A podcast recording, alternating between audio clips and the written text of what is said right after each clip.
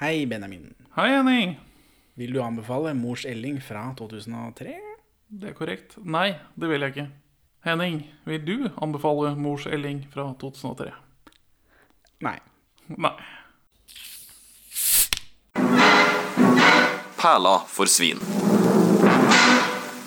Velkommen til Perle for svin, podkasten for deg som gjør som Elling og kommer i 100 km i timen når Ane Dahl Torp i flyvertinnekostyme bøyer seg fremover. Vi er to middelmådige menn i 30-åra som ser norske filmperler, eh, men i dag så har vi sett Bo Elling. Oppfølgeren til Oscar-nominerte Elling. Eh, ja, hva Jeg så, jeg leste en gammel artikkel, et intervju med regissøren når denne, før denne kom ut. Ja, Eva Isaksen fra Moss. Ja. Ja, det er mange gode regissører i Moss, annet Eva Isaksen, kvinnen bak Døden på Oslo S. Som også er basert på en bok av Ingvar Ambjørnsen. Ja, så det er tydelig Hun har en nisje, da. Det må man jo ha i norsk film.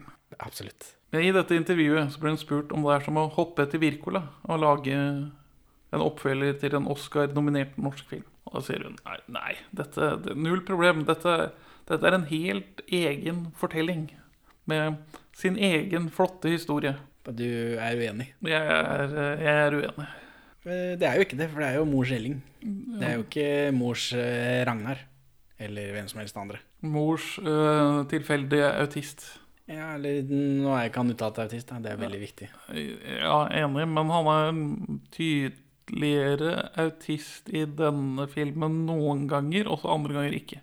Ja, altså her eh, ja, Det er jo veldig uklart hva den hva, Elling som karakter er veldig uklar i den filmen her, syns jeg. U Ja. Inkonsekvent. Ja, veldig. Men vi, vi kan vel starte med å kritisere filmen. For det første man ser idet man øh, starter den, spilletiden. Er dette en film gitt min videolærer Tor Åges påstand? Ja, At det, fins ikke filmer under 90 minutter. Eller alt under 90 minutter er kortfilmer. Ja, og da kjøper man det ikke på DVD. Nei. Det, Jeg har jo dette på DVD. Og den er vel under 90 minutter, er den ikke det? det er 1 time og 16 minutter øh, med rulletekst, så det er da effektive øh, i underkant av 1 time og 14 minutter. Ja, det er jo veldig deilig. Sånn sett. Kort og gærlig. Ja. Eh, hvor mange så denne filmen på kino, da? Det har jeg funnet noen tall på. De tre første dagene, det er sikkert første helga, antar jeg. Og så til sammen. 80 000 på første helga, tipper jeg. Og så tipper jeg rundt eh, 376 000. Ja, det er jo veldig nære, da. Det er nesten som du har noe tall foran deg. Det er nesten som om jeg har kommet over tallene. Men jeg har ikke, jeg har ikke, har ikke notatene foran meg. Nei, det er eh, 70 827 personer som så filmen på kino. Eh, først de tre første dagene, og så er det 380 140 personer som så det til sammen. Verdt å merke seg at produsentene lovet en eh, ytterligere oppfølger om det var over 300 000 som så den på kino. Og det, for det her er ikke, de, det her er ikke grusomme tall. Nei. Men, eh, Avskrekkende tall. men norske produsenter har en sånn greie med å gå ut og true publikummerne. altså hvis ikke dere kommer dere på kino, så blir det ikke noe mer. Nei. Men bare Men her er det jo, hvis, ikke dere, hvis dere går på kino nå, så blir det mer. Ja, Det er det som er trusselen her. det er sant.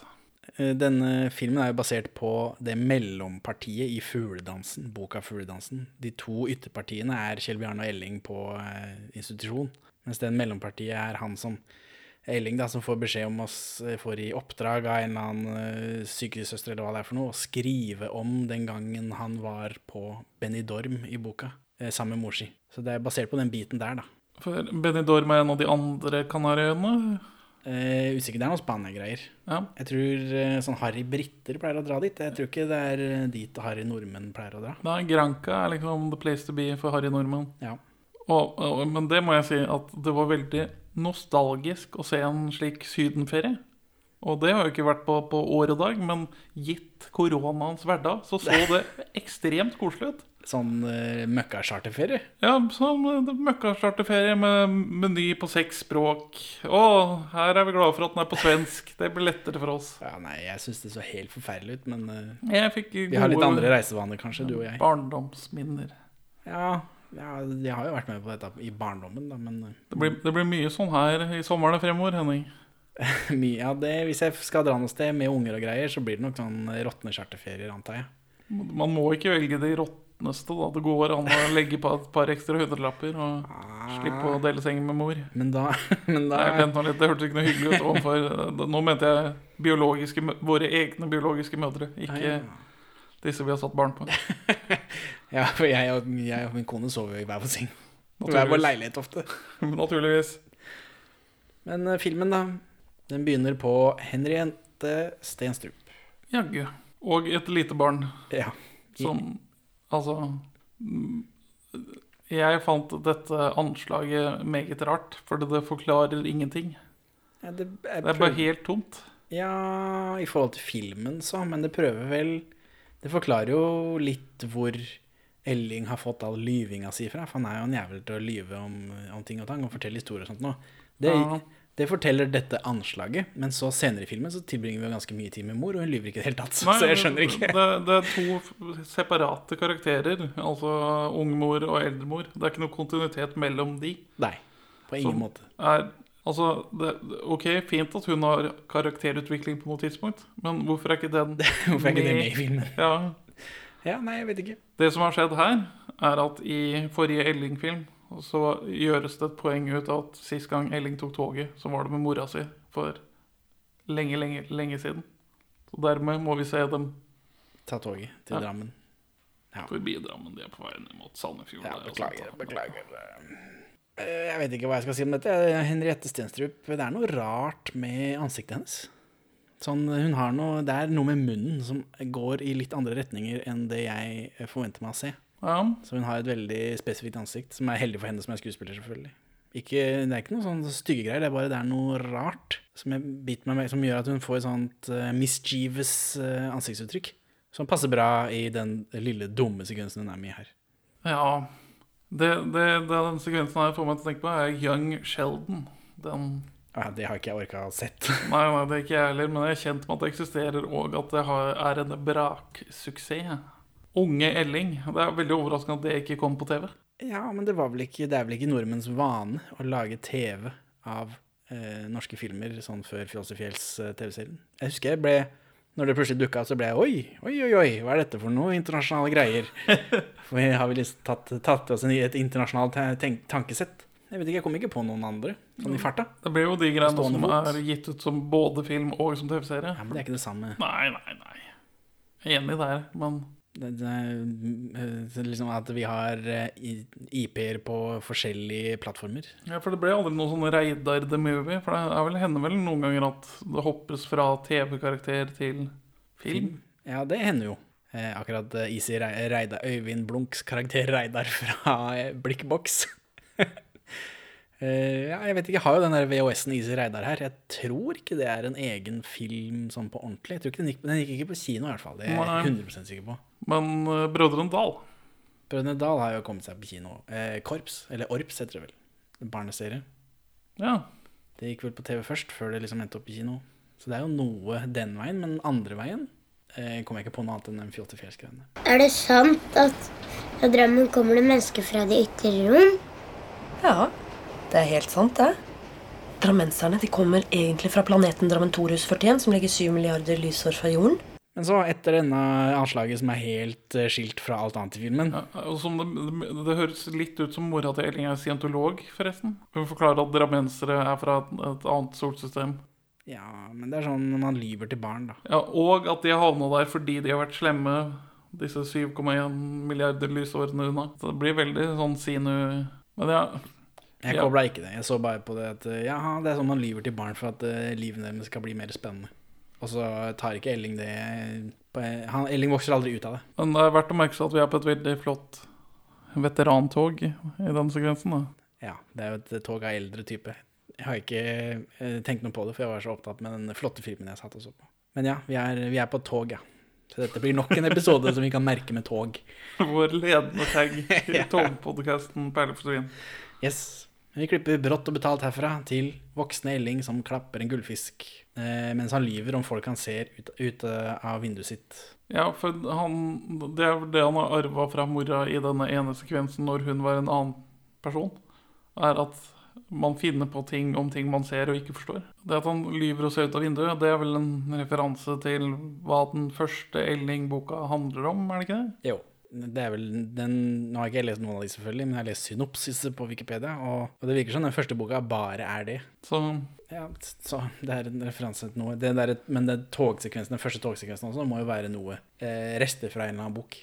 det skulle man kanskje tro. For resten av historien eh, det, det avviker noe fra dette bokgreiene, så vidt jeg har forstått på, på synopsisen på Wikipedia.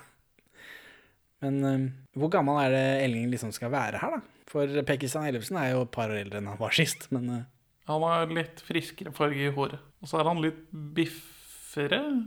det kan jeg ikke si.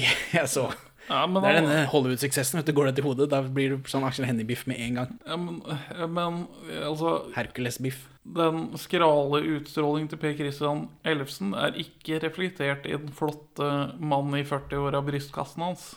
Altså, dette er en fyr som kan løfte tungt. Elling er for meg ikke en fyr som kan løfte tungt. Nei, det er vel Elling for meg er en fyr med veldig nedsunkne skuldre. Det ser ut som han holder to bæreposer med øl i. Han, Men, men det er liksom holdningen hans. vi får jo se han i badebukse, og da er det beefcake eh, Elling, syns jeg, da. Uh, ja, jeg tenkte ikke beefcake med en gang. Ja, Men jeg er vant, jeg er vant til å se på Aksel Hennie. Han har en solid brystkasse, da, ikke en sånn 'jeg sitter bare inne og så handler jeg litt for mamma'. Nei, men Han eh, løfter en del tunge grobøker. Ja, det er sant. Vi fôrer dem opp i badekaret, alligatorene. Når de blir voksne, så slår de dem i hjel. Det er bare et ung par som flytter inn. Snart er de skilt, og så flytter de ut igjen. Herr Pedersen dreper, fru Pedersen flår. Mor ligger og sover. Mor her. Hun heter Grete Nordrå. Det er en teaterdame, selvfølgelig. Eh, Men har du sett henne før på film? Ja, men jeg bare juksa og lest på Wikipedia. Så henne forrige uke. I Ni liv. Den filmen her er hennes siste rolle. Ja, jeg leste noe om det. Hun spiller i Paul Pål Bang-Hansen-filmen 'Douglas', som vi aldri noensinne kommer til å få se, for den er umulig å få tak i. Den kommer til å bli satt opp på uh, Kinemateket i anledning Paul Bangs 80-årsdag eller noe annet. Ja, vi får håpe, da. Og hun spiller Norwegian Witch i The Witches, den med Ja, eh, Angelica Houston. ikke den nyeste. Eh, nei, ikke den nyeste. Hun er vel død, tror jeg, uten at jeg har eh, festa meg til Det det. tror jeg. Hun er headhuntet spesifikt for denne filmen. For det hadde ikke blitt det samme uten henne. Nei, hun er en sjarmerende liten dame. Men Kari Simonsen kunne gjort det, det er jeg helt sikker på. Det er sant, men det er en svakt definert karakter. Om det er ah. Mor og Elling drar til legen. Mora vil dra på apoteket alene. Hun sender Elling på biblioteket for å levere en bok Elling er alene. paranoid. Ja, Han mistenker at mor har tatt en hemmelig elsker. ja, ja. Så han er en sånn Han er et sjalu barn. Ja, men han forstår vel ikke Han er veldig usikker hver gang de ikke er sammen, så vet ikke han hva, han driver, hva hun driver med. Så han er jo eh, ja, sjalu, da. Hadde han vært eh, mer eller mindre oppegående og fortsatt tenkt eh, likt, så hadde han vært en sånn konebankertype. Ja. Selv om han er kritisk til sånne konebankertyper. da. Jo, jo, men det er sikkert folk som banker kona si også. Ja, det er sant. Men Elling går på biblioteket, og her får vi et lite snev av dette at han er redd for å være ute alene, men det går veldig fort over og blir aldri nevnt igjen. For han går på biblioteket. Han gjør jo det han skal. Ja, han Helt er, alene. han er, han, han er eksentrisk, men noenlunde velfungerende. Altså Ja, dette er jo ikke den samme karakteren som i Elling. Nei. Nå, har- som sagt, ingen som har lest bøkene, antar jeg, men var han sånn? Ble han verre av å være på institusjon? Er det det vi skal Skal vi tenke det? For det jeg, gjør jeg ikke før jeg sitter her og skal analysere det med deg. Uh, det er det som må Han må jo ha blitt mye verre på et tidspunkt etter at mora hans døde. Det er det som er så kjemperart med den filmen her. For Hæ? Hvorfor, Nei, uh... hvorfor er mora sånn hyggelig og vanlig? Hva, ble, ble hun totalt endret av å få en dødsbeskjed fra sin fastlege? Eh, det kan jo hende. Men, men eh, ja, altså Hadde de beholdt den Henriette Stenstrup-karakteren gjennom hele, den som hun spiller, som er en helt annen karakter enn den Grete Nordra, så hadde jeg kanskje skjønt det, for hun er jo sånn hun lyver og liksom hun, Der er det noe mer. Vi får ikke se så mye til henne, men hun kunne jo kanskje vært litt eh, tøffere. Men det gjør vi jo ikke. For hun er en veldig, den gamle kjerringa er en veldig spak dame som får mye kjeft av Elling. Som Elling er det rasshølet i denne filmen her. Ja, Fy faen, så fæl han er. Men ja, hun virker som en ganske vanlig gammel dame som har en litt slitsom voksensønn. Å ja, det er veldig slitsom. Veldig slitsom voksen sønn. Men mora ser da noen plakater for Mallorca når hun er helt alene. Og så over kjøttkakemiddag dagen etter, eller når det er for noe, så presenterer mor Elling med noen billetter til Mallorca. Elling er ikke fan. Nei, han Eller vi får først se rommet til Elling. Det er bare gro overalt. Som ikke helt matcher hans karakter, syns jeg. For ja, det er noen innrammede grobilder, mens andre er liksom bare avisutklipp som bare er teipa opp. Ja, det er sånn Unibomber-opplegg. For jeg, jeg tolker Elling mer som en ramme inn og henge opp-type. ja, at han har litt orden i sysakene. Men sånn Han har jo permer også, med utklipp av aviser og sånt med, med Gro. Det, Ja, For det gir mening at han setter ting i permen, men at han bare henger ting løst opp på veggen. det passer ikke med hans karakter. Nei. Altså, skal han henrette Kåre Willoch? Er det det han planlegger? Jeg vet ikke, for det er noe sånn stalkeraktig, men det blir jo ikke verken uttalt eller gått inn på. Dette er grovgreiene hans. Nei, det er bare han, han driver med grov. For det kjenner vi igjen fra forrige film. Yay. Yay, hurra. For han må ikke lese så mye i den Gro-boka, han blir så rar av det. Ja, Men han er ikke fan av å måtte dra til Mallorca, da. Det er ikke noe for han. Og så får vi etablert at telefonen ringer, og at det er mor som tar den. Ja. Og han reagerer veldig når den ikke blir tatt. Ja, for Dette er et brudd i de faste rammene som Elling er avhengig av. Ja, for vi hørte det i forrige film, at han ikke tar telefonen. Så derfor er det med her også, antar jeg. Ja, Fordi mor har ikke gått noe sted. Hun sitter bare og ser på gamle bilder av foreldrene hennes, tror jeg. På, for de har bodd på Mallorca hver sommer før de døde, eller hva faen. Er det et bilde av Toralv Maurstad? Eh, nei, det tror jeg ikke. Er du, er du helt sikker på det? Ganske. Jeg, min Toralv Maurstad-radar gikk av. av Ah, ja, nei. og det er den der krølltoppen hans, Ja, liksom. men det fins flere folk som har krøller. Nei, Jeg lukter Toralv Maurstad. Men det ligger også en Mallorca-brosjyre der fra 2002-2003. Og det er litt pussig. Det, det kan jo bare hende at dette reisekontoret ikke har oppdatert materiellet sitt. Nei, men dette er jo oppdatert, det er jo fra det året filmen kommer ut, mens Elling, den andre filmen, er, finner jo sted etter dette. Er, Oi! Ja, er den det, første Elling-filmen en eh, Er det en fremtidsfilm? ja, det blir jo det, da. ja, tydeligvis. Jaggu. Ja, det, det er et godt poeng. Det burde jo være 99, liksom. Ja, ja eller De orka ikke ha sånn millennium-bannere overalt. Nei. nei. Elling satt det til 95, for eksempel. Da. Elling går inn i en sånn Y2K-psykose. Ja, ja. Det, det er vel ingen som har tenkt på det eller brydd seg noe om det. Hadde, hadde de bytta ut Elling med Geir Geir, Den rare mannen Geir som bor sammen med mora si, så hadde det vært noe helt annet. Da kunne de hatt en Mors Geir. Ja. Det er, ja, men det er litt pussig forhold mor og Elling har. For mor behandler Elling som et voksen menneske, ikke som en raring. Ja. Og det er kanskje riktig fra mors perspektiv, men det betyr jo også at han er sjefen hennes, på en måte. Og veldig slem. ja. Han er, han, er, han er jo det. Og så går han alltid med en helsetrøye under skjorta. Han har veldig tynne skjorter òg, så det, det er ikke noe hemmelighet. Nei, men eh, det er sånn tror jeg folk som bruker helsetrøye, vil jo at du skal se det. Ja. Det tror jeg. Hvem fant opp uh, helsetrøyen? Nei, Jeg vet ikke, Quisling eller noe sånt. Det er veldig nærme. Det var en norsk frontkjemper. Ja, Flott. Var det han som fant opp eh, helsetrøyen for alle mennesker i hele verden? Ja, Det var han som lagde den første helsetrøyen. Det var en norsk frontkjemper. Og så tok det av. Så ta den bindersen. Falske symbol på norsk et eller annet. Norskhet. Men Elling ligger på kvelden der med full pysj, dresspysj, og tenker på alle de deilige damene på Mallorca. Og dagen etter så vil han dra til Mallorca. Elling er jo også en kåting i den filmen her. Ja, for det var han ikke i den forrige i noen særlig grad. Han, snak, han, han er veldig fordømmende for andres eventuelle seksuelle eskapader. I den filmen her. Nei, i forrige òg så driver han jo og shamer Kjell Bjarne for at han Ja, har ja. voldta Ja, men han gjør det. gravide fylliken. han er jo like Han liker jo ikke at andre folk driver med det. Ja, men han har ikke noe personlig sexdrift i den. Nei. Men her har han massevis. Bøtter og spann, faktisk. Ja, de mangler jo en Kjell Bjarne, da. Som kan liksom Er det det det som har skjedd? De har mata ikke, det var- fra Oscar-nominerte Elling inn i Elling, og så er det dette vi har fått? Ja, altså Enten så var det mora som måtte ta det. Bare gå rundt og, og, og tenke på griseri og slå huet i veggen eller sånt. Eller så blir det Elling, da. Jeg vet ikke. Det, var, det er veldig rart. Um, Jeg reagerte på at hun mora har veldig flotte bein. ja, det har jeg ikke Jeg har aldri tenkt på. tenkt på det når jeg har sett på en 78 år gammel. Da må jeg bare Hello! Hvor er åreknutene hen? Eh, Ja. Nei, nei det, det har jeg ikke tenkt på. Men, men dette er jo en annen karakter enn Elling i Elling.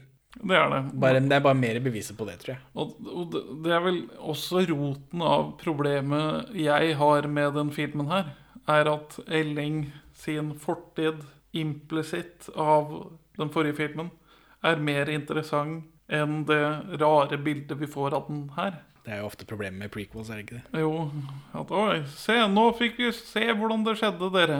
Ja. Det holder ikke mål. Men en Kjell Bjarne-prequel, det hadde vært uh, triste greier. Bare han som går rundt med mora si over skuldrene. Ja, eller mora drikker seg drita og kjefter på han og slår han og sånt, og så må han rydde opp. Og han, for han er jo lege og bilmekaniker og Ja, alt mulig det- Og så går han sikkert på ja, For han blir jaga fordi mora sitter og drikker hele tida. Så han går da bare ned på universitetet og får med seg alle klasser i alt. Så han er ekspert på absolutt alt. Han er, han er liksom Norges Forest Gump, og med på alt. Akkurat som Svein Krogstad. For jeg er Svein, og jeg er med på alt. Men eh, Kjell Bjarne er ikke med i den filmen her, eh, og det man kan vel si det er en mangel. Ja, han alluderes kun så vidt til. Jaså? Ja, når eh, første gang vi ser Elling og mor drikke alkohol i Syden, så ber han henne roe ned, for at han vil ikke bære henne hjem til hotellet. Og det er et pek til Kjell Bjarne om noe. ja, det kobla ikke jeg, men ja, Kjell Bjarne bærer folk. Og sin fulle mor. Det er ganske én-til-én en likhet her. Ja, ja. Så, men da blir det Mallorca, da. Da kommer det en pakkemontasje, det skjer ikke noe spennende. Ja, Igjen med Ellings eh, oppheng i renslighet og seksualitet. Han vil ikke bade i havet, fordi der bader masse uvaskede menn og menstruerende kvinner. ja. Ja. Meget konservativt. ja, jeg òg syns ikke det er noe særlig å bade i havet. Det er så salt og fælt, du blir så klissete av det. Hva er vitsen da? Ja, det kan man spørre seg. Ferskvann is king. Yes. Elling har drept nok en gullfisk, og da er det sånn begravelsesritual eh, på toalettet der. Så står vi her og tar farvel til en liten kropp.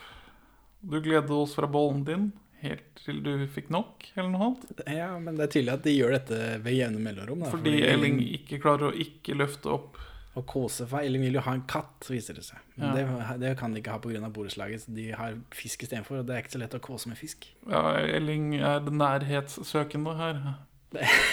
ja.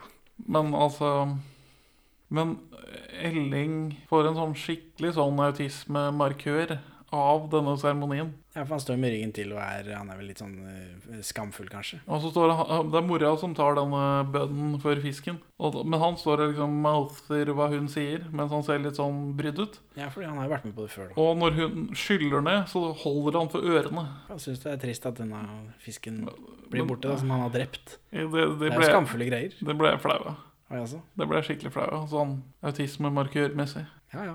Hvor jeg har overhodet ikke til hensikt å velte meg i det samme vannet som en hel bataljon med uvaskede menn og menstruerende kvinner. Så er det avreise. Gardermoen.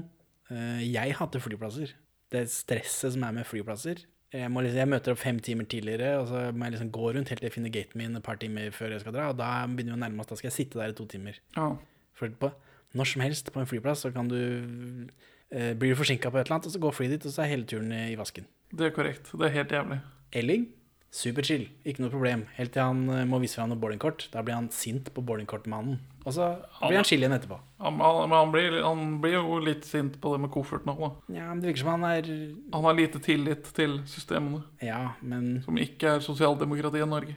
men, han, men han er ganske chill på det. Altså, han blir jo mer sint på uhøflighet. For med en gang noen er høflig med han etterpå, etter dette boardingkort-greiene, da er det greit. Ja, dette, dette kan jeg kjenne meg igjen i litt. Jo, men hvorfor, hvorfor syns Hvorfor er Han, Elling klarer ikke å gå på butikken alene engang i Elling. ja, men Elling har et bilde av seg selv som veldig selvstendig. Så hver gang den illusjonen braser på noe som helst vis, så blir han veldig sint. Han er i full fornektelse på at han er, fortsatt er festet med en navlestreng til sin mor. Ja, han er jo sammen med mora si, da. Det kan hende det hjelper. Men senere så er han ikke sammen med mora si, og det er heller ikke noe problem. Så det, Det, det, det henger ikke på greip sånn karakterkontinuitetsmessig, men han, han gjør et kjempestort poeng av å få passet sitt, for det er mitt pass, og det, jeg har bare latt deg oppvare det av praktiske hensyn. Og så viser det at han må jo ha et boardingkort også, og da, det er da han får en meltdown, når det viser at mora bærer det. Fordi jeg, jeg, jeg, ja, for det var noe han ikke hadde tenkt på. Liksom. Uh, men så er det Helge Reis, baby. Helge Reis har vi ikke kommet over noe særlig i podkasten ennå. Nei, men han, han, han driver og dubber en del, gjør han ikke det? Jo, jo, jo. Men det gjør jo alle som trenger penger i norsk film. Ja, ja, ja. Per Christian Ellingsen og Ellefsen jeg er veldig glad i stemmen hans. Ja, jeg kom ikke på noe i farta, men det klinger jo fra barndommen. Det gjør jo det. Jeg mistenker Ducktales og så kanskje et eller annet Mummitrollet, men jeg er ikke helt sikker. Jeg vet ikke, jeg hører noen sånne gamle kassetter jeg hadde Eller mutter'n var en jævel til å ta opp fra barnetimen. Ja. jeg skal ikke se bort fra at han har vært innom der også. Helge, han, han var knakende god type. Yes. Ernst Bugge Høvig. Eh, oberst. Blir hele tiden referert til som korporal. Ja, fordi Altså, her, her sitter du og spiser eh, karbonadesmørbrød med stor K. ja, sier Elling. Og eh, Ernst Bugge Høvik, korporal Bugge, ja, eller oberst, da. ja, eh, kommer og er ledig her. Han er en kontaktsøkende type som har sett seg ut sitt bytte. Hva heter mora til Elling i det hele tatt? Kari. Kari. For det sier hun her. Det er den eneste gang det nevnes. Ja. Han skal også til Palma. Ja, Palma di Mallorca. Og, men han, han setter seg ned ved bordet deres, og så introduserer han seg med en gang, sånn som det er klipt. Eh, kona mi er død. Hello! Hello, mi er død. Og så da mora til Elling sier bare Oi, ja, men gubben min er død også. Da er, det- det klart, her skal det smashes. Ja, men han forklarer jo grunnen til at han er så direkte, er fordi at han er en gammel militærmann. Ja, han sier jo det etterpå, der, men eh, ja, ja. Og i ingeniørvåpenet. Det kan jo være han som sprengte faren til Elling. Det kan hende. For her kommer det fram at faren til Elling døde i en sprengningsulykke før Elling ble født. Ja, For det snakker de om, bitte litt om i den forrige filmen òg, tror jeg. Ja, det nevnes jo, men det har jeg alltid bare sett på som eh, faren til Elling var ikke så interessert i Elling idioten og dro. Men, eh, men det virker som det faktisk stemmer. Det er jo veldig, det er en rar historie. Så da har jeg tenkt at ja, ja, det stemmer sikkert ikke. Nei, det virker altså, som det stemmer. det, det som peker mot at det stemmer, er at Elling ikke har hatt noe kontakt med farmor og farfar. Ja. Altså hvis, hvis du eksploderer nå, nå det er fem uker til termin eller noe, annet, ja. mistenker jeg kanskje at dine foreldre vil prøve å delta noenlunde i livet til lille Lille Henning. Henning junior. Ja, det kan, det kan hende. Det Så- kan hende, faktisk. Men hvis ikke hele familien blir sprengt, da. Det sier de jo ikke noe om. Var mora til Elling tyskertøs? Spørsmålstegn. Det henger vel ikke på greip sånn rent tidsmessig nå lenger. I hvert fall ikke siden dette er i 2003. 2002-2003. Ja, for dette er i 2002-2003, mens den første Ellingen er øh, etter det en gang. Ja, nei, da henger det ikke på grep. Men de bøkene er fra 90-tallet, så hvem vet? Ja, da henger du på grep, for han er rundt 40, da, er han ikke det? Jeg husker ikke helt, men jeg lurer på om ikke han er eldre enn Per Christian er eh, på tidspunktet når han spiller inn dette. Ja, og jeg lurer på om Elling er litt eldre enn Per Christian. altså sprengningsulykke, ombringet i Stalingrad, at de kan fort, fort byttes om de. Eh, ja. Ja, men det får vi iallfall ikke noen forklaring på. og Det er ikke et ankepunkt i filmen heller, det er bare noe jeg tenkte på. Og så får vi den mest absurde karakteravsløringen om Elling. Jaså? For du kjenner deg ikke igjen i dette? Dette her, det her tenkte jeg at dette her nå er Benjamin gjenkjennelse. For vi to som gamle militærmenn ja, førstegangstjenestefolk. For Helge Reis tror at Elling er normal. Ja, det er førsteinntrykket. Eh, og eh, siden han er oberst og greier, så lurer han på hvor Elling hadde førstegangstjenesten sin. For dette, Elling er i en alder fra når alle tjenestegjorde. Og da beskriver Elling det spørsmålet som å få en geværkolbe rett i ansiktet. For da Elling friker ut og løper inn på dass eh, for å grine. For han hadde i årevis drømt om militærlivet, romkamerater, lange underbukser, øvelser. Alt dette ble trampet i stykker etter bare to dager på rekruttskolen. Skulle jo tro de tok han på sesjon, men Ja, det gjorde de ikke. Det var andre tider. Ja, nei, for uh, han ble erklært tjenesteudyktig, kan vi vel anta.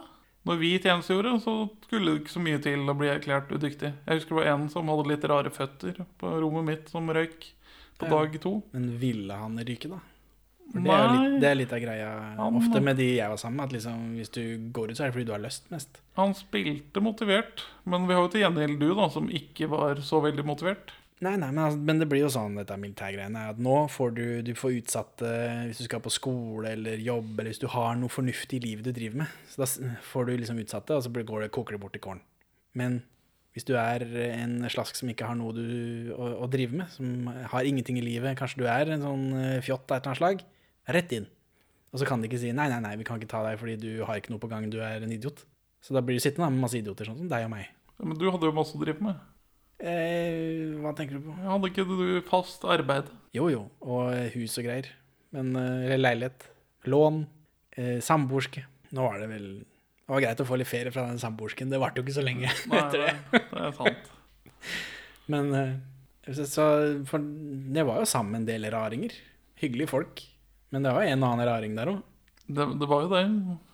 Så jeg tror Ja, men i den første Elling-filmen så har, sier jo Elling at han har angst. Eller vi får jo se det også, men han sier jo at han har liksom blitt plaget av angsten. Og det kan være litt vanskelig i militæret, kanskje.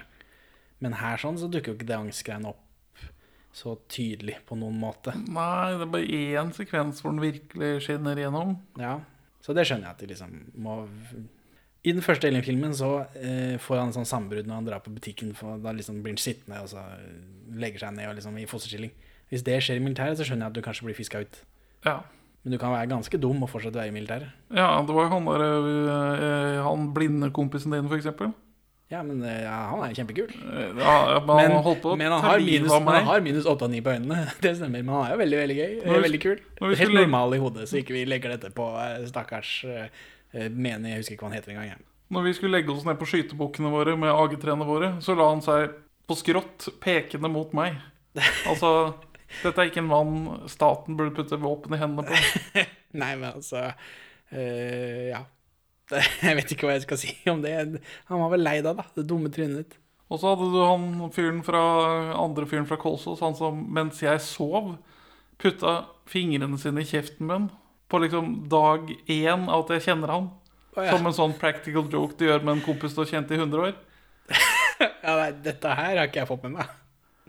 Han som, eh, han som var så snurt for at han ikke fikk bli hundefører. Han gikk og klagde masse over det. Han Monsen-fyren. Ja, men han var jo en rasshøl. Ja, ja, Men han var jo en skikkelig Han kan jeg oute lett. ja. For en idiot. ja. Fy faen. Ja, nei, han var fæl. Du fingrer ikke noen i kjeften på dag én uten å aktivt spørre om samtykke først. Nei. Nei, men han var bare grusom. Eh, Men han fikk jo lov å være inne, han. I årevis hadde jeg drømt om det friske militærlivet, med romkamerater, lange underbukser og tøffe øvelser. En drøm de trampet i stykker uten så mye som en forklaring. Etter to dager på rekruttskolen ble jeg bare sendt hjem. Mine ytelser var av null interesse for det norske forsvaret. Uansett, eh, Elling sitter og griner på dass. Mora til Elling følger etter. Morsomt. Ja, hun er på herretoalettet. Kjempegøy. Ikke noe problem. Men så er det oppe i flyet, da. Det er heller ikke noe problem, annet enn at de kommer litt senere, da. Nei, og de blir reddet av sitt bekjentskap med korporalbygget. Eh, Og Elling blir plassert i flyet ved siden av mor si, selvfølgelig. Og så er det en sånn tresetter, så da kommer det en veldig harry puppedame som sitter ved siden av Elling igjen. Og her er det liksom det patter i monitor, og det er Dette er en side av Elling ikke har sett før. Nei, for nå er han Ja. Han har jo ikke vært så interessert i dette ja, i forrige film, men dette er en helt annen karakter. Jeg orker ikke å si det flere ganger. Nei, men uh, gubben til pattedama, Georg, Yes. kjenner du, kjenner du igjen han? Jeg kjenner ansiktet hans, ja, men uh, jeg har ikke orka å søke den opp. Nei, det er fra, kjenner han fra filmen 'Døden er en ensom jeger'. Som jeg egentlig ikke har lov til å ta opp i podkast. Det er sant. Siden Fordi jeg akkurat nå egentlig burde sitte og klippe den. Ja, for det er episode to vi spilte inn, eller noe sånt, nå som du fortsatt ikke har klippet ferdig. Velkommen til meg. Velkommen til deg. Ja, det er sant. Eh, Han er vel med der, ja. For dette er jo, dette er jo gjenkjennelige folk for de som har sett eh, Charterfeber, antar jeg. Ja, høy gjenkjenningsfaktor på denne typen Mm. karakterer. Og så kommer Andal Torp Som flyvertinne, bare ut av det blå. Det er vel før hun er Andal Torp, antar jeg. Det er korrekt. Eller hun har jo Kvinne i mitt liv er året etter, er ikke det? Nei, det er samme år. Ja, nei, da er det vel bare det, det er samme året, da. Jeg antar det er det som er gjennombruddet, uten at jeg har sett noe særlig på karrieren hennes. Ja, det er noe TV i 2001, tror jeg jeg så. Men det, det, Jo, men gjennombruddet, tenkte jeg. ja, gjennombruddet er nok kvinnen i mitt liv. Men ja Foxy Anne Daltorp. Er ikke alltid det? Men kun, kun castet som eye candy, det var litt rart. Altså ikke, ikke, altså, ikke fordi at Altså, jeg mener ikke at hun er uattraktiv. Det er bare Altså, når man har sett Ja, henne ha litt skuespiller-chaps, så er det rart å ha henne kun som Ellings eye candy. Ja, i hvert fall Ellings eye candy, men uh, ja. Men hun er veldig snill også. Hun fikser jo for Elling har skåret seg i trynet og barberer seg til på det. Og av en eller annen grunn så er det en sånn running greie som går altfor lenge i den filmen her. Ja, for han barberte seg og kutta seg. Bare- Ja, men men det hun, Så han må bli med henne da i, oppover i fly, og så får hun sånn Jeg vet ikke hva det er for noen gang. En sånn pinne som har trøkket i trynet hans, og så, Ja, så blir det bra. Chapstick. En blodstillende stift. Jeg antar dette var et produkt som var stort i 2003. Men vi får i hvert fall to veldig nære Andal Torp ass shots. Det stemmer. Og det Gjennom øynene til Per Christian. Men dette er regissert av en kvinne, så det er lov. Ja. Her kommer Elling i flere hundre kilometer i timen. Elling innser ikke at han har flyskrekk før flyet begynner å taxe ut på rullebanen. Ja, som er pussig for Elling virker å Han har jo mye skrekk i den første filmen. Ja, Det er rart at ikke han skjønner at inni dette metallrøret skal jeg sitte. At det er ikke noe særlig for meg. Men, eh, men det går jo over også. Det er bare akkurat når de tar av, så er det noe skriking, og så er det ferdig. Som han ikke skriker egentlig. Jeg vet ikke.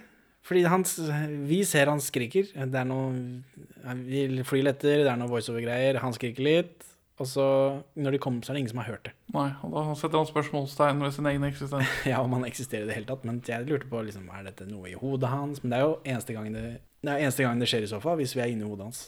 Ja, Så det ville vært et rart grep bare i den scenen, og så ikke bruke det noe mer senere. Så jeg tror ikke det. Jeg tror han gjorde det på ordentlig, og ingen hørte det bare. Fordi flydur, eller hva faen.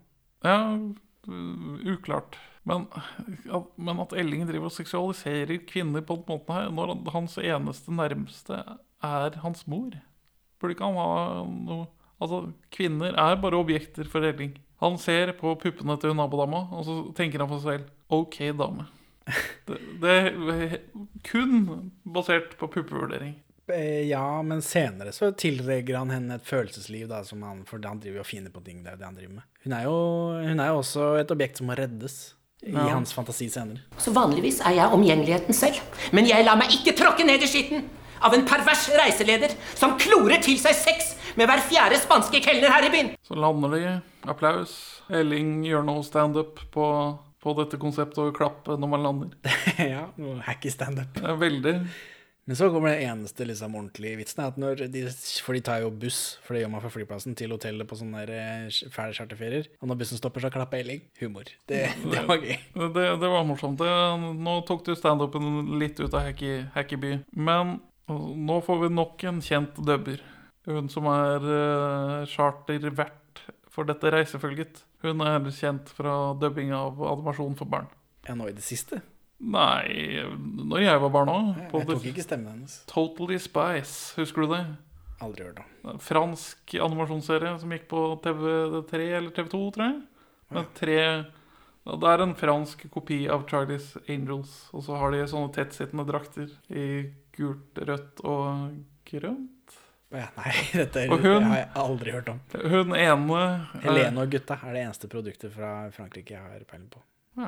Men hun er i hvert fall en av de stemmene, så jeg er veldig svak for stemmen hennes. Jeg syns hun har en veldig flott stemme. Ja, ja, ja.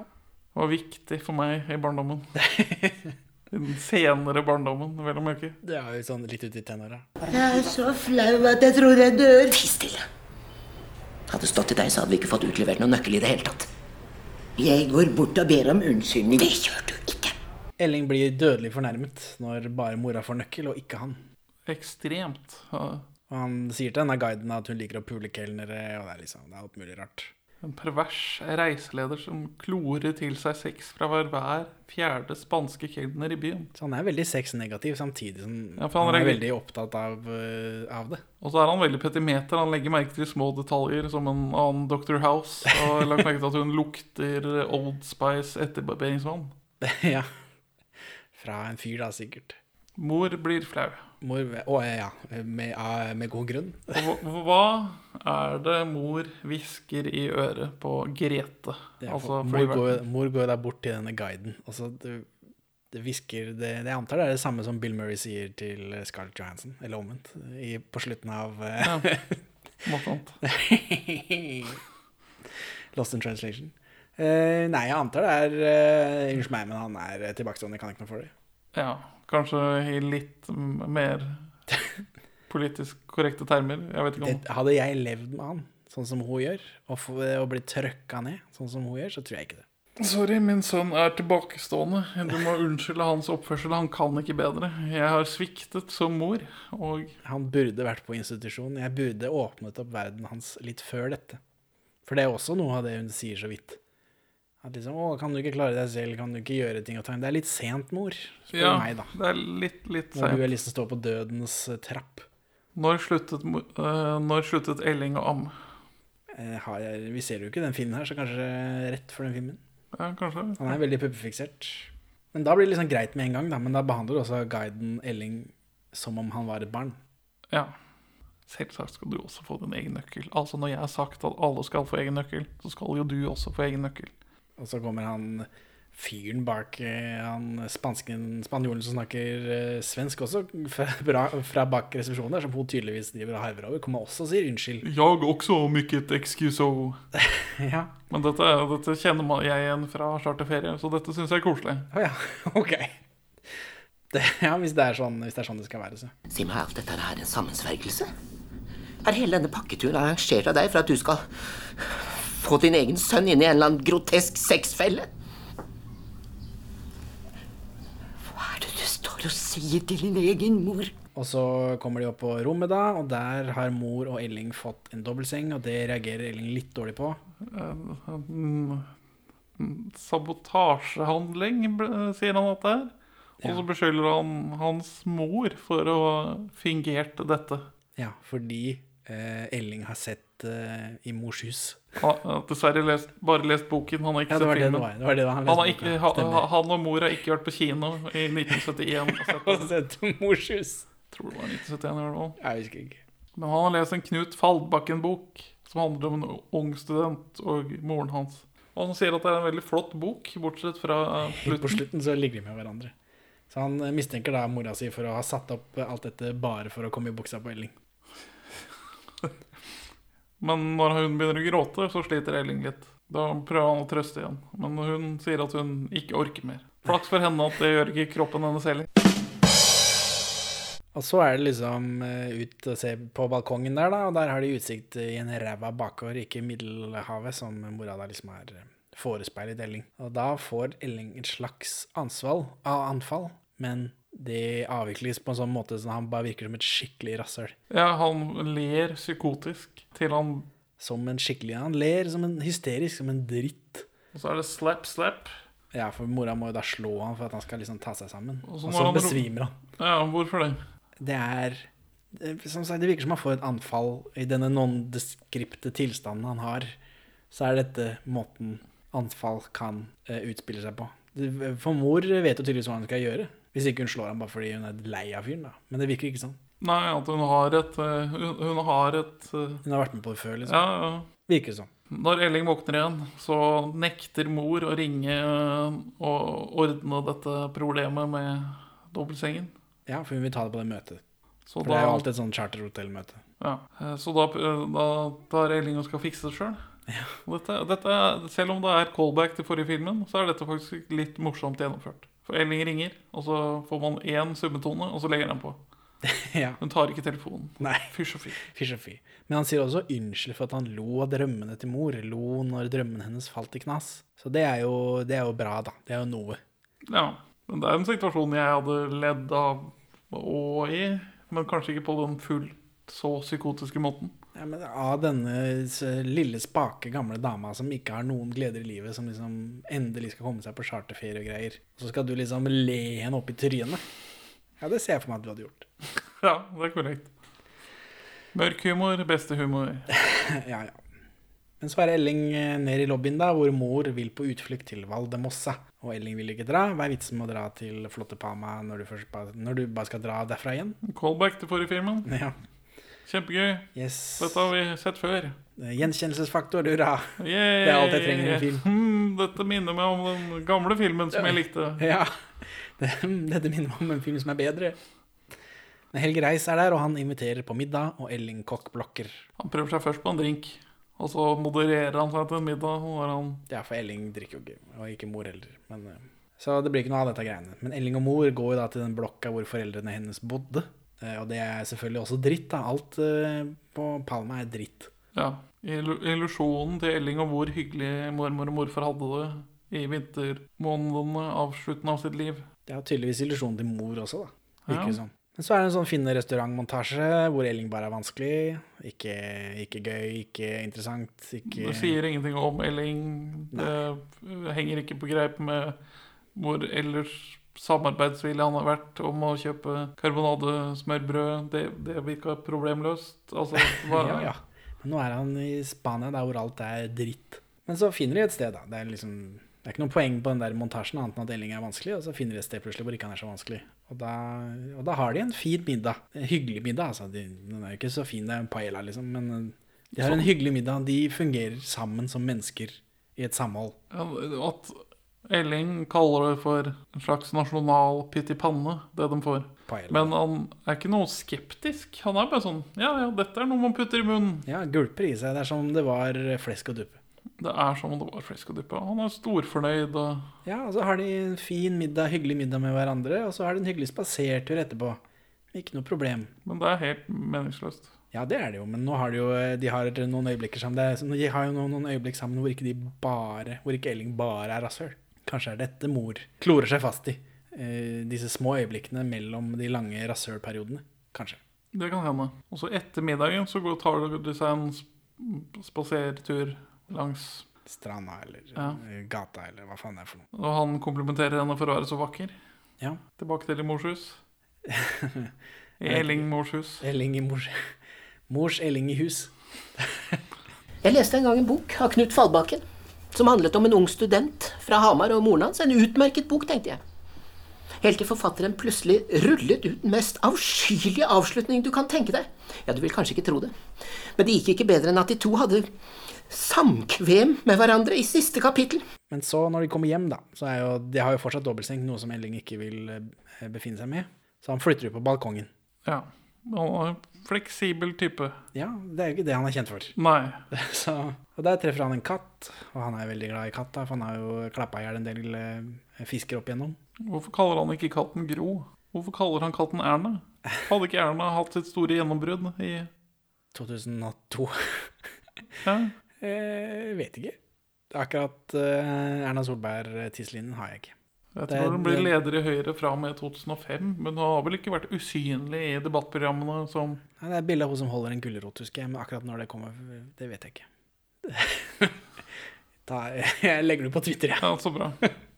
Eh, Men mens han ligger der ute da, og holder på med den der eh, katta Katta er jo nede i bakgården mens han står oppe på balkongen og, og prater med den. eh, Så kommer disse harryfolka fra flyet, for de bor i rommet ved siden av.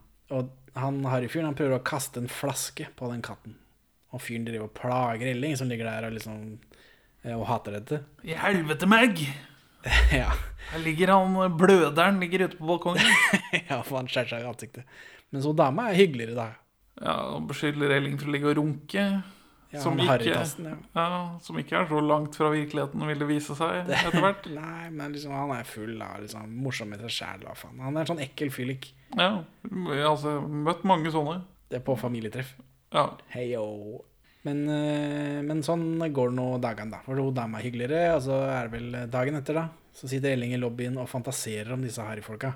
Og de skal på stranda, så da må Elling følge etter dem. Fordi Elling har jo da fantasert seg til at hun Dama søker til Elling for at han skal redde henne fra denne eh, slasken hun er sammen med. Det er ikke så langt fra hva som skjer i filmen. Nei, men Eller hun vil jo bare ha seg et nyp. ikke med Elling. Jo, Nei. hun vil ligge med Elling. Nei, Hun nei, vil ligge Det er det dummeste. Kjærlighet snakker hun om. Hun trenger litt ømhet, ikke pikk. Pikk tror jeg hun får nok av. Med Georg. Han fremstår ikke som en veldig erigert type for meg. Altså sånn alkoholindusert Ja, impotens. Whisky-dick. Det var det, Georg. da. Men sånn innimellom slaga, så det er- hun Senere så legger hun hodet sitt på skulderen til Elling. Det er det hun vil ha. Nærhet, ikke Men hun inviterer han opp på rommet også, for og drikker vin. Ja. Hva betyr det, Henning? Hva, gjør, vet- hva betyr det når kvinner gjør det? Nei, men hun vet jo at han ikke er som alle andre. Ja. Hun vil ha eh, selskap av en som ikke ser på henne som objekt, men det vet jo ikke hun. At hans indre liv, så er hun et objekt. Hun, er, hun er opptatt av å mate katten på flere måter. Nei, uenig. Det var ikke noe seksuelt i det greiene. Ja, hun inviterer han også oppe på brus. Vi får jo se puppene hans òg senere. Ja, og hun dekker seg til når hun ser at Ja, det er, det er et poeng. kom ikke her. Ja, men jeg tror hun vil være utro med Elling for å straffe Georg. Nei, uenig. Det er ikke noe Nei, nei, nei, nei. Dette vil jeg ikke være med på. Jeg går ut. Så kan du sitte her og være podkastsending alene. Henning har gått ut og slengt døra igjen, dere. Folly work. Hei, kamerat. Du sover ikke, du, vet du. Er du pælma ut, eller? Tenk om vi tok den på fersken. Han ligger faen meg der og drar den. Gå og vis den puppa, du, så. Så kommer de i mål. Nå er vi på stranda, ja. Og her får vi se denne toppløse Per Christian Ellefsen, som du eh, Viftere enn karakteren skulle vært. I hvert fall. Eh, Elling ligger på stranda alene, og så da kommer det noen toppløse damer, og da blir det veldig mye sånn tits. Ve veldig mye. Dette er jo nesten verre enn Lasse Glom. Ja, dette er Lasse Glom-nivå. Altså, Men gjort av en kvinne, så Men- da er det noe kunstnerisk bak, tror jeg. Men er når du tar med familien for å se oppfølgeren til Elling, forventer du at hele skjermen på Colosseum skal fylles med par yppig, to par med yppige bryster? Og Elling som ligger og stjeler blikk på det her på den kleineste mulige måten. Ja, fordi han er jo ikke som alle andre. Han er jo, I dette øyeblikket så blir han en sånn barn av et eller annet slag. Ja. Når han liksom ligger der og ligger på magen og liksom dekker til ansiktet samtidig som han ser på de som ligger tre centimeter borte fra han. Eh, jeg vet ikke. Det var rart. Pussig. Pussig, pussig. Hva skjer så med Elling? Eh, han får stå, da. Og så, uh, og så kommer Helge Reis og plager han i tillegg. Så da, så da løper Helling ut for å bade uh, med stålen sin. Og så svømmer det en dame forbi. Ja, som han, får ikke, litt. han får jo ikke Han blir ikke kvitt denne ståpiken, fordi det kommer er jo masse folk med, med i bikini rundt den. Og så plutselig så er han helt alene i havet. Og da setter han i gang og nirunker. Dette er vel bildet som brukes på plakaten òg, tror jeg. At han står helt alene i havet. Ja. Ja. Det er ikke mens han runker, tror jeg. Dette er et bilde på hvor alienert Elling er fra resten av befolkningen. Ja. Og så setter han i gang og runker, da. Ned på kne og runke i vei med sånn spansk musikk til takta. Ja, for det blir prest... for det med den musikken så blir det liksom noe humoristisk. Men, eh, men hvis Elling kan runke, hvorfor gjør han ikke det hele tiden, da? Han hadde vært så mye roligere om han bare fått uh, nappa han hver halvtime. Ja, nei, det, det vet jeg ikke. Men det er i disse siste sekvensene nå hvor jeg begynner å bli sint på musikken til filmen. Oh, ja. For det er Lars Lillo Stenberg igjen. Er det det? Jeg har ikke ensa det. Men mens i den forrige filmen så var musikken brukt sånn underfundig og lurt og liksom sette litt sånn snert på det, litt sånn rolig stemning, så er det den samme greia, bare at skrudd opp.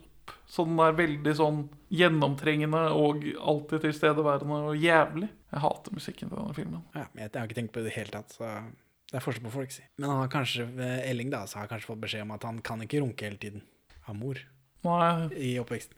Kanskje. kanskje. Men ja, Elling kommer i 100 km i timen. ja, det var det han sa i, han kjørte fly. Men her også kommer han jo i 100 km i timen. Mens eh, mora Helge Reis har funnet tonen mens han har drevet og nappa han. Og så er vi hjemme, Elling går ut på verandaen, og da ligger hun dama der, eh, Mag, eh, og toppløs soler. Men hun dekker seg til da når Elling liksom kommer ut der. Og så snakker hun og er hyggelig med Elling. Da snakker hun med den katten, da. Og hun syns det er så fint at han passer på mora si. Ja, jeg føler ikke hun har lest situasjonen som Elling og mora har. At hun tror det Elling gjør, er å følge henne opp, og ikke at han lever i en sånn parasittisk symbiose med henne. Ja, nei, jeg forsto det sånn at hun skjønner at han er en raring, og at eh, mora må passe på han. Det er sånn man snakker til folk som ikke er som alle andre. Ja, ikke enig. Ikke. Jeg, føler, jeg føler de på Tangerudbakken får den eh, Har den tonen Får den tonen ofte. Ja, jeg Og skjønner så hva du flink du er, da, som har tatt med deg mora di i butikken. Ja. Nei, det er mora som har med han, for hvis ikke så sulter han i hjel. ja, men eh, Tror jeg, men du vil jo ha det til at eh, det skal være noe hanky-panky her. Men det er ditt skitne sinn. Har du, nappa du ikke før du så filmen? Nei. Nei, det er det du gjorde feil. Ja, og sånn det var. Ja. Så får vi en give-out på hva som kommer til å skje med mora til Elling. Eh, At hun har angina, har vel vært nevnt før også, men eh, hun dama her sier at å ja, eh, angina er livsfarlig, alle dør av det, spesielt mora mi. Hun døde med en gang òg. Vi gikk med det i mange år, sa hun. Ja, ja. Og så døde hun. Ja, men det er liksom Hun Det- kommer til å dø. Dette har ikke Elling helt forholdt seg til. Det velger han å fortsette med å ikke gjøre. ja, det er riktig valg. Og så får hun kylling til å gi til katta. Ja. For Elling er så snill. Han vil gå ned, han vil ikke kaste kylling på katta. Fordi, men, men her nå Elling klarer seg helt fint rundt andre folk, alene også. For Først så spekulerte jeg at kanskje det var fordi mora var der, at han liksom Da var han trygg på seg selv og andre. Da hadde han ikke angsten og dette som forfulgte han i den forrige filmen. Men nå er han jo helt alene med masse andre folk, eller med hun dama, da. Og det er ikke noe problem. Ja, han fungerer ypperlig. Ja, Henger ikke på grep. gir opp. Eh, Elling går ned til den katta, da, mater den med kylling, og så byr hun der harrydama Elling på å drikke. Og så skjønner jeg ikke helt hvorfor det. Elling tror han skal pule. Jeg tror ikke. Jeg tror, altså Hun har gjort et poeng i at Georg er borte. Han falt av lasset på en eller annen bar og drikker seg dritings der. Nå har vi vårt vindu, Elling.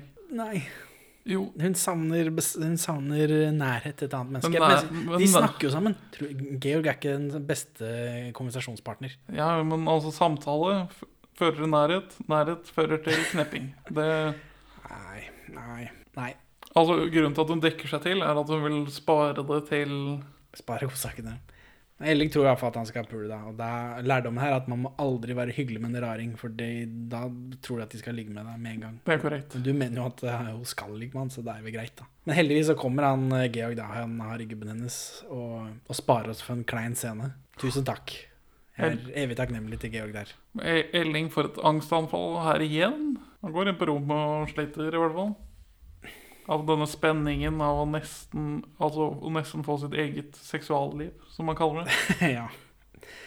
Eh, Ja, jeg vet ikke, det var vel ikke det verste anfallet, for han går inn, og så skjer liksom ikke noe, og så går han ut, og så låser han seg ute, og tenkte jeg, ok, nå skjer det noe, nå er det film. Men nei da, han går bare ned i lobbyen, og der er mor og Helge Reis, og liksom, hvorfor eh, har de det kvarte sekundet hvor de viser at han låser seg ute? Det skjønte jeg ikke. For det, Det henger ikke på rep. nei. Kanskje det er rester fra den, at det var en eh, lang bit av boka hvor han låser seg ute for et anfall, og så føler de at de må ha med noe av det. Ja, det føles som om det ligger en del igjen på klippgulvet av denne filmen på 74 minutter. Den er jo kortere enn Guri med røvrumpa. Men eh, han går ned i lobbyen der, og der sitter Helge Reis og mora hans, og de skal på tur. Og da begynner Elling å slå seg i ansiktet. Og så neste scene så ligger Elling i senga og blir tørka i pannen, som fikk tydeligvis anfall igjen, da. Uten at de viser det noe særlig. Ja, en ny sånn uh, fade to black som bare liksom Altså, det er, det, er, det, er gal, det er noe gærent med klippen på den filmen her. Det er veldig mye ting som skjer. Sceneslutt, klipp, tilbake på rommet. Og så Ja, det bryter med flyten til filmen, i hvert fall. Det blir veldig sånn stakkato sceneskift. Hvorfor, hva, hva var meningen med den sekvensen, annet enn å vise At de skal på tur, da. Eller jeg vet da faen. Mannens ukontrollerte ereksjon har styrt verdens utvikling siden Adams tid. Elling og mor skal ut og spise. Helge Reis vil selvfølgelig alltid ha med disse folka ut, men eh, Elling kokkblokker. Så da Elling tar med seg mor for å spise alene, mens Helge Reis følger etter dem. Stalker dem liksom, med en masse andre gamlinger, da, for det er sånn gamlinger gjør, de skal på tur. Sånn man lærte i militæret. Ja, og stalke folk. Eh, ja, så de, de, de andre gamlingene dekker jo sektorene da, til oberst eh, Helge Ja. Og så Elling og mor de rømmer inn på en sånn restaurant som, ikke, som er for kul for dem, fordi Elling ser Helge Reis i bakgrunnen. Men så kommer Helge Reis og de gamlingene, og så blir de sittende der og spise og prate, sånn som man gjør når man er gammel på charter. Og så begynner disse gamlingene å klage over sosialdemokratiet, og det, eh, det tar Elling litt dårlig. Triggered. Han har, et, han har startet med et veldig godt poeng. Ja, Altså ja, og var, så går det ut i dette puling, og liksom, det er ikke måte på. ja, en lang sånn tirade. Sånn, sånn sint standup om hva charterferie er. Eh, og han holder denne lange talen om hvor ræva alt er, og at Helge vil eh, knulle mora hans. Og da Det kan ikke Helge reise, bare sitte og høre på. En ærens mann. Ja, obersten. Så, men Elling rømmer, da, eh, før det blir noe slåssing, eller hva, det, hva han helt greis byr opp til. Eh, Han rømmer restauranten, og nå er det plutselig vanskelig å være ute blant folk, da. Ja, Han har skumle, fulle gjenger og nærbilder og klipping. Å, se så mye angst Elling plutselig har. Ja, for nå har han jo plutselig angst, da. Uten at de sier det, selvfølgelig, men eh, Og så er- skjer det noe jeg får høy gjenkjenning til for bare av charterferie. at du treffer noen horer. Ja. Som 14-åring så ble jeg antastet av en bulgarsk prostituert. Tok hun pengene dine. Nei, men hun begynte å tafse på meg og spurte meg om jeg ville ha if I, Do you want uh, sex blowjob? Det var liksom ett ord. Ja. ja nei, men ble det noe av, da? Nei, dessverre. Hvorfor ble du også reddet av Helge Reis? Sånn Nei, jeg, jeg, jeg sa høflig nei takk, og så gikk jeg. Jeg var like høy som jeg er nå, men veide halvparten så mye, så jeg hadde Jeg var ikke sånn Jeg var ikke redd. Nei, men Ellen blir jo litt redd. Men disse horene han roter seg borti, skal jo også ta pengene hans. Så- men heldigvis kommer Helge Reis og redder han fra dette. ja. No fucky fucky. away, away! no fucky fucky. Er det, et, er det et callback til Full Metal Jacket? Nei. Sucky Fucky Love You Long Time? Ja, love you long time? Nei, jeg tror ikke det. No Fucky Fucky. No fucky fucky. Ikke ting jeg forventet at Helge Reis skulle si. Nei, professor Drøvel. No fucky fucky. men eh, men da, nå bonder de da over å bli antasta av horer, for det har Helge Reis også blitt. Ja, han holdt på å pisse på seg første gang det skjedde med han i London. Ja, Var det sånn med deg, da? Den gangen du ble antastet for, av horer, ble du, holdt du på å pisse på deg? Nei, jeg var mest fornøyd med å få en god anekdote. Ok, du ble ikke, ble ikke redd. Jeg ble ikke redd. No fucky fucky, no. Wait, wait. Så forteller Helge Reis hvordan ting er. Han vil ikke knulle mora til Elling. Han mener at folk trenger gode folk rundt seg, og han mener da at Elling og mora trenger andre folk rundt seg. Eh, For Bugge er en observant type. Han, har, han ser hva greia er her. Ja, at de har et litt sånn usynt, usynt eh, parforhold. I motsetning til hun på naborommet som vil ligge med Elling. Som ikke har skjønt hvor sykelig forholdet deres er. Hun på naborommet er mest opptatt av seg selv. Ikke s- fordi hun vil ligge med han, men fordi hun trenger å bli hørt. Og hun trenger mye andre ting enn denne brutale macho-fyllefanten hun er sammen med. Hun trenger den myke, samarbeidsvillige prategutten Elling. Oh. Intellektuelle Elling som elsker Gro og sosialdemokratiet. men hun vil også ligge med han. Nei! Jo. Hva innbiller den gamle krigeren seg? Tror han at han kan bolle seg med moren min rett foran øynene på meg? Og så driver eh, mora og gjengen og spiser middag. Eh, til slutt, da. Det er liksom Elling og Helge Reis har vel sånn skværa opp sånn tålig. Ja. Eh, men så, disse gamlingene driver og spiser middag, mens Elling eh, kjøper noe kylling eh, som han tar med ut til den katten. Og Elling tar denne katten på fanget, og sånne løse sydendyr, det er det verste jeg veit. Bikkjer og katter og sånn derre eh, fulle av lus og helvete som bare flyr rundt i Sydenland. Det kan hende jeg pælmer en matbeta til dem, med å ta på dem Hvorfor, Hvorfor skal du matte dem? De klarer seg fint, er de spiser søppel dagen lang. Og så, men, og så har du den økende trenden i Norge med folk som adopterer dyr fra gatebikkjer og gatekatter. De har kommet over i sydligere deler av Europa. Ja, det har jeg aldri hørt om. Åssen får du med deg dem hjem? Det er jo karantener. Nei, ja, det, masse, masse, det koster masse penger og masse dritt, og de må være i karantene her, og det er masse kurs Altså, Ja, de må ta alt av vaksiner og dritt og møkk. Ja, men Da er det jo greit. Det er jo den der eh, bikkja eller katta sanitert plutselig. En hippiefyr jeg, kjen- jeg kjenner fra når jeg gikk på videregående. De har, de har tatt med seg en sånn gatebikkje fra Roma. Den gatehunden har, har nå kreft, og de har brukt sånn 150 000 kroner på å holde den i live. Ja, men sånn folk som er glad i dyra sine, gjør det. Det er bare Jeg har andre ting å bruke penger på. Lurt. Jeg vet ikke. De syns sikkert jeg er teit som eh, bruker penger på Life Size Supermann og sånn. Jeg skulle i grunnen ønske at Georg var litt mer lik deg. jeg.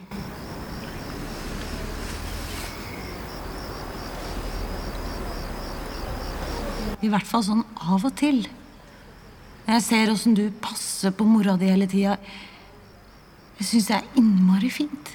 Uh, ja. eh, Elling sitter med dette kattslusk-lusegreiene på fanget, og så kommer hun harrydama. Mags. Jeg har et sitat her. Altså, de blir sittende og kose, og hun er Hun setter seg ned ved siden av ham fordi han, hun er full, og hun mangler intimitet i livet sitt.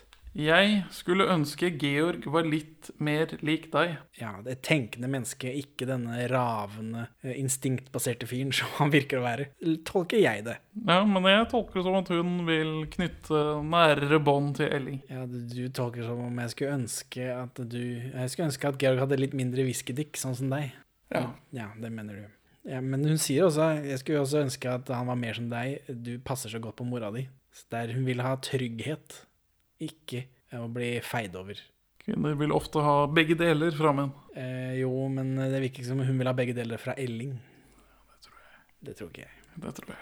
Å, fy faen i helvete! Anyway, savner Kjell Bjarne, ass. Neste Elling-film. par uker nå, så er det Kjell Bjarne-tid igjen. Herregud. Er det nå det skal skje? Skal jeg endelig få mitt eget seksualliv? Eh, Men eh, mens de sitter her, da, før det blir noe greier, så begynner han eh, Georg å rope på, og da kysser hun Elling på kinnet slash munnen. Veldig tett opp til munnen, ja. Ja, men det er en sånn Det er noe intimitetsgreier. Det, er ikke, det var ikke råklining. Hun stappa ikke tunga si ned i han og eh, tok hånda i skrittet på han. Du skjønner jo at Elling trenger litt oppvarming. Ah, orker ikke mer. Orker ikke. Dagen etter. Elling har bestilt tur til Vallemossa. Han har vokst som person. Ja, han Av en eller annen grunn. Ja, en lang, det er sikkert den praten med Helge Reis. Ja, nå vil han være snill med mora si. Eh, Helge Reis er også der. Eh, det skjer ikke noe. Hvorfor i alle dager er den sekvensen her med? Ja, dette, dette har vært så mye mas om å dra til Valdemossa. Ja, så gjør de det, og så skjer det ingenting. Ja, de sitter på bussen. De ser ut av vinduet. De går rundt i Valdemossa. Og så drar de hjem. Helge Reis og mora ser utover utsikten. Ja. Sekvens slutt. Det skjedde ingenting. Nei. Men på kvelden så er det fest. Helge Reis og mora er liksom på hverandre. Og så er det noe veldig intens gitar og noe flamenco-danser og sånt, noe sånt som det er på charterferie. Eh, mens Elling er mest opptatt med å stjele mat til denne katta. Eh, folk danser. Helge Reis og mora danser. Elling går for å mate katten. Og så kommer han hotellansatt eh, svenske fyren. Hallo, hallo. Senor Elling. Senor Elling. Senor Elling, como stas. Jeg er mye, mycket ledsen. Eh, fordi leiter etter Elling da, fordi Og så kommer Elling inn, de sier ikke hvorfor. Elling kommer inn, alle står rundt den. Tenkte jeg har Helge Reis daua nå? Fordi mora til Elling I Elling. Elling første Elling-filmen åpner med Elling inn i leiligheten sin, og mora hans er tydeligvis død, og ikke til stede. Og han sitter inni der inne i, i skapet der sånn, og blir dratt ut av politiet. Så jeg antok at mora til Elling skulle dø hjemme. Ja, det, det antok vel vi. Ja, Så tenkte jeg Helge Reis daua. Nei, Helge Reis er der. Eh, men det er mora da som er daua på dansegulvet. Hun var veldig glad, og så døde hun. Av anginaen sin. Hun ligger på gulvet der, da, med masse folk rundt, og hun blir bare kaldere og kaldere uten at noen bryr seg. Og Elling setter seg ned, holder henne i hånda, bla, bla, bla, tar henne på nesa, fordi det er sånn hun pleier å gjøre når, han pleier å gjøre når hun sover. Eh, whatever. Elling tar flyet alene hjem. Hvordan i alle dager tar Elling flyet alene hjem? Han holder veska hennes. Eh, altså, Mor er død, men jeg sørger ikke. Ok? Elling er egentlig fornøyd, sier han. Det blir tid til å sørge etterpå, sier han Bugge, eller har Bugge sagt. Og siste skudd er Elling hjemme, som går ut av blokka si og nedover gaten, eller? Ja. Med sånn uh, trillebag, sånn som gamle damer har. Ferdig. Hva var dette for noe? Why? What? What? Dette, dette er bare helt meningsløst. Ja, ja. Det er bare Altså, hæ? Så For nå er han velfungerende. Han, kan ta, han drar på flyet fra, la oss si, Bugge. Hjelper til, da. Så han kommer liksom til flyplassen, han kommer seg på fly. Så navigerer Elling alene fra Gardermoen og hjem til blokka. Og opp i blokka, eh, lever livet tydeligvis. Nå skal han ut og handle. det er ikke innenfor hans kompetansenivå. Nei. Nei, dette skjønte jeg ikke noe av. På Wikipedia så står det For det første så drar de til Benidorm i boka. Eh, og så står det at Elling har problemer med å forholde seg til folk og er redd for å dumme seg ut i samtaler. Det er også en del av den synopsen. av en eller annen grunn. Det får jeg ikke inntrykk av. Nei, han bare gønner på, han. Ja, Og de blir sendt hjem fra denne turen etter at Elling prøver å drepe denne katten, fordi han skjønner at den katten ikke har det godt. Eh, men han klarer det ikke, så han går til angrep på folk rundt seg istedenfor, som prøver liksom å komme han til unnsetning, for han får et anfall. Ja. Og så må de dra hjem. Og mora lever. Det gir mening. Hvorfor? Hvorfor? Hvorfor denne filmen? Var det liksom eh, Er det for å trekke i trådene da, til hjertet til folk? Er det liksom Det- det- Et eller annet. Men eh, det føles jo som om man bare har hatt lyst til å lage en film man kan lage på ferietur. Og så eh, få nok billettinntekter i vaken av den forrige filmen. Det er bare sånn fanservice. Skikkelig veik fanservice. Ja, det veldig Det kjennes mer ut som en fanfic enn karakteren Elling. Som sagt, hadde, vært, hadde de bare gitt den et annet navn, ikke noe problem. Kanskje en annen skuespiller også. Så hadde det fortsatt vært en dårlig film. Det hadde ikke vært noe vi brydde oss om. Det, det hadde vært en av millioner av dårlige norske filmer som vi ikke ser i podkasten. Det er bare et par tusen, heldigvis. Ja, ja, vi kommer vel til dem, vel. Så Benjamin, hvorfor vil du ikke anbefale Mors Elling fra Nei, For dette er en skikkelig eller dårlig film. Den var, jeg har gitt den én av ti på IMDb ved forrige uh, gjennomgang. Og Når var dette?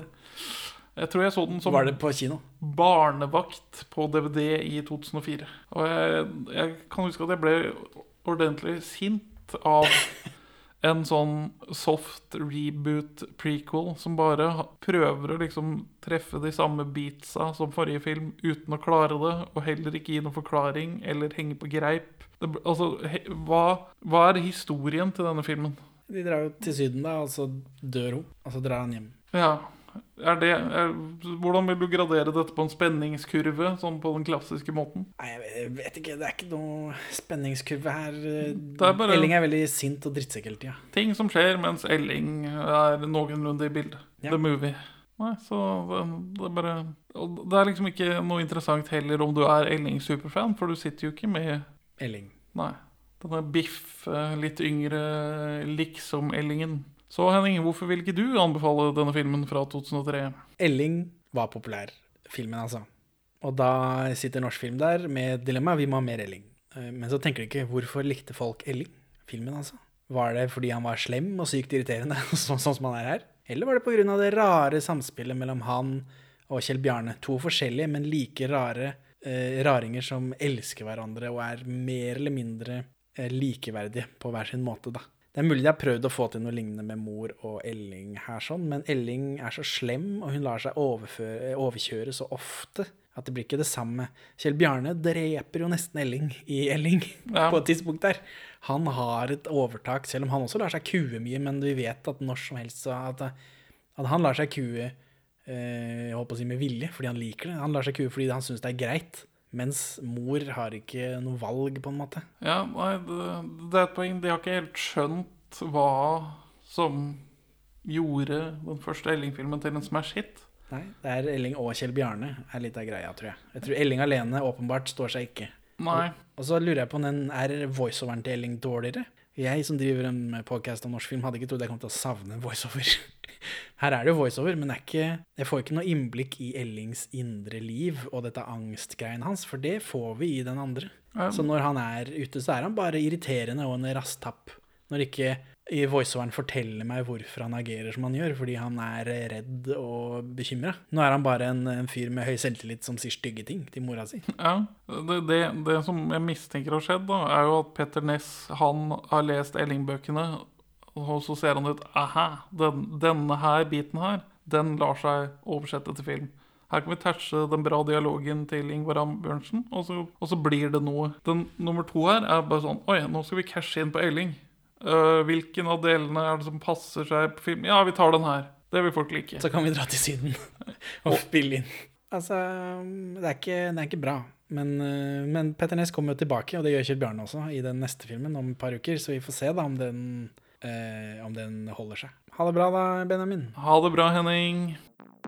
Takk for at du hører på Perler for svin. Du finner oss først og fremst på perleforsvin.no, men også på Twitter under perler-for-svin, Facebook som perleforsvinpod, eller du kan maile oss på perleforsvinpod at gmail.com. Gi oss gjerne en eh, rating i din lokale podcast-avspiller, og, og legg igjen en beskrivelse, så folk skjønner hva det er for noe tull vi egentlig driver med. Her er ukas Pål Bang-Hansen-sitat ute av kontekst. Karin, du har ødelagt hele opplegget. Det var meningen at alle skulle tro at jeg var i Memphis. Har du ikke skjønt noen ting? Så står vi her og tar farvel til nok en liten kropp. Du gledet oss fra bollen din, til du helt brått fikk nok.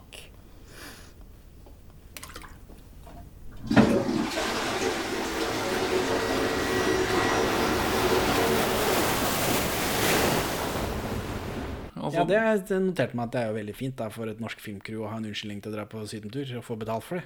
Det er korrekt. Men det er jo også det eneste positive med filmen. Ja. At Men- Eva Isaksen kommer seg litt ut, av, ut, ut fra Jeløya. Men det er avslørende, altså, for det er ikke Hun er fra i Jeløya, vet du. Det er liksom ikke bra. det. Nei, det er sant. Så nå må vi bremse opp litt grann her. For det første var det jo sosialdemokratene og ingen andre som klarte å ta knekken på Franco. Og skape en viss orden her i dette landet. Men Det hadde du rett i. Dessuten er det jo løgn og bedrag å tro at disse sydenturene er toppen av all lykke.